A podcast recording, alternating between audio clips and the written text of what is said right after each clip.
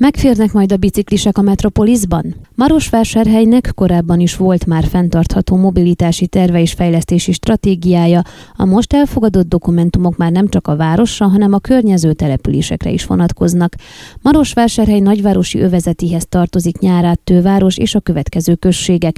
Ákosfalva, Jed, Kerelőszentpál, Koronka, Dózsa György, Maros Keresztúr, Maros Szentkirály, Maros Szentgyörgy, Mezőpanit, Mezőcsávás, Nagyernye, Nyárát Karácson és Maros Szentan Anna.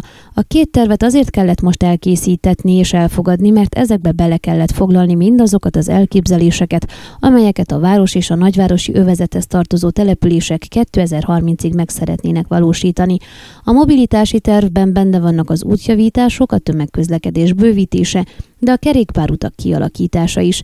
E tervek összesen 606 millió euróról szólnak, amely összegből 101 millió euró az, ami megfelel a 2022-2027-es uniós pályázatoknak, és előre láthatóan nyertes lehet. A fejlesztési stratégiában, amelyben a környezetvédelem, a hulladékgazdálkodás, a turizmus és az épített örökség védelme is benne van, 81 millió euróra készültek tervek, míg Marosvásárhelynek és Metropolis Szövezetének 40 millió eurós pénz áll a rendelkezésére 2030-ig. Természetesen menet közben lehetnek újabb kiírások, amelyekre pályázatokat lehet benyújtani, így a lehívott uniós pénzek aránya növekedhet.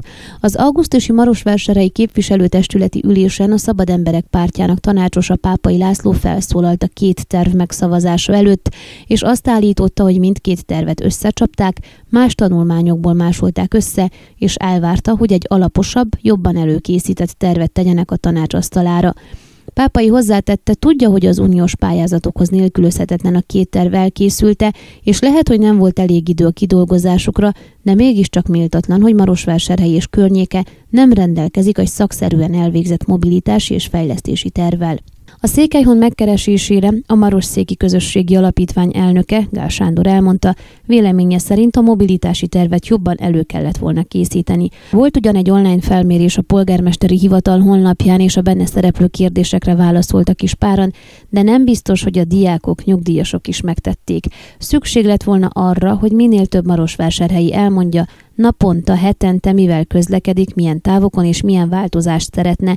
Mivel nem készült alapos felmérés a vásárhelyiek igényeiről, nem biztos, hogy a mobilitási tervben szereplő elképzelések megegyeznek a városlakók elvárásaival. Ami a két terv szakszerűségét illeti Gál Sándor úgy tudja, hogy kevés pénzt szántak ezekre, ám elfogadásuk nagyon fontos volt, hiszen csak is azokkal a tervekkel lehet pályázni uniós pénzalapokra, amelyek szerepelnek a mobilitási és fejlesztési tervben, Ugyanakkor kiemelte, a két dokumentum elfogadása ugyan fontos, de még annál is fontosabb, hogy milyen sorrendben valósítják meg a bennük szereplő terveket. A jelenlegi város és községvezetőkön múlik, hogy a tervek közül mi élvez majd elsőbséget. Az előző mobilitási tervben is volt több a kerékpárút hálózat bővítésére vonatkozó terv, de azokat nem valósították meg, akkor elsőbséget élveztek az útjavítások, mindent a gépkocsi forgalomnak rendeltek alá. Most szintén vannak az alternatív közlekedést segítő tervek is, a kérdés csak az, hogy az elsőbségi jegyzékben milyen helyet foglalnak majd el, prioritásként kezelik-e őket vagy sem. Mindkét terv, sőt az okosváros stratégia is tanulmányozható a Marosvásárhelyi Városháza honlapján. Ön a Székelyhon aktuális podcastjét hallgatta. Amennyiben nem akar lemaradni a régió életéről a jövőben sem, akkor iratkozzon fel a csatornára, vagy keresse podcast műsorainkat a székelyhon.pro portálon.